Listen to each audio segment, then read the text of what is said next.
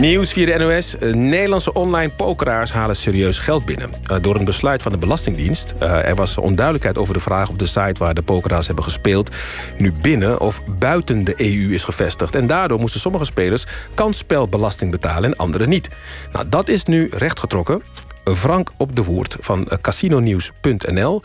Um, hoe, ja, het gaat dus om binnen of buiten de EU en kansspelbelasting betalen. Wat is, wat is het oordeel? Wat is het? Binnen of buiten de EU?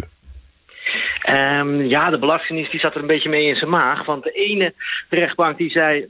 PokerStars is gevestigd binnen en de andere zei buiten de EU. En Ja. nu bieden ze dus ja, alle Nederlandse pokerspelers een, eh, een dealtje aan.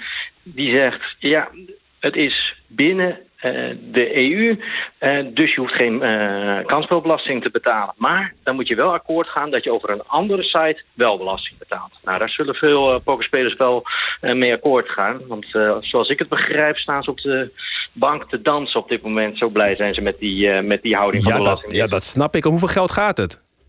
Nou ja, het is, eh, het is echt helemaal per pokerspeler verschillend natuurlijk om wat voor een bedrag het gaat. Want elke pokerspeler moet zelf maandelijks aangifte doen. Ja. Maar ja, als je het allemaal optelt, dan zal het wel om, eh, ja, gaat wel in de miljoenen zitten. Ja, en het gaat nu alleen om pokerstars of ook om andere pokerbedrijven.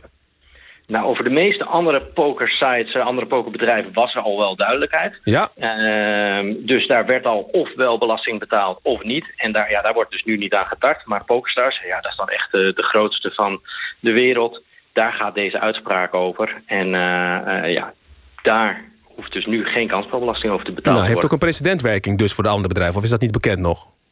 Dat zou ik dan denken, hè, nu. Nou ja, al die sites en al die grote bedrijven, want dat zijn, ja, dat zijn miljarden bedrijven, vaak Ja. gewoon beursgenoteerd. eh, ja, die zijn allemaal ergens anders gevestigd. Dus als ze eigenlijk gezien worden als op Isle of Man hè, en Gibraltar en Malta, Ja, zijn allemaal toch altijd dat soort oorden. eh, ja, dan moet er besloten worden of dat binnen eh, of buiten de EU is. En Isle of Man was natuurlijk buiten de EU. Ja. Maar Malta, wat zij dan altijd eh, hebben geclaimd, dat is binnen de EU. En nou ja, daar zitten ook heel veel eh, pokerbedrijven. Frank op de Woert van casinonieuws.nl. Dank je wel.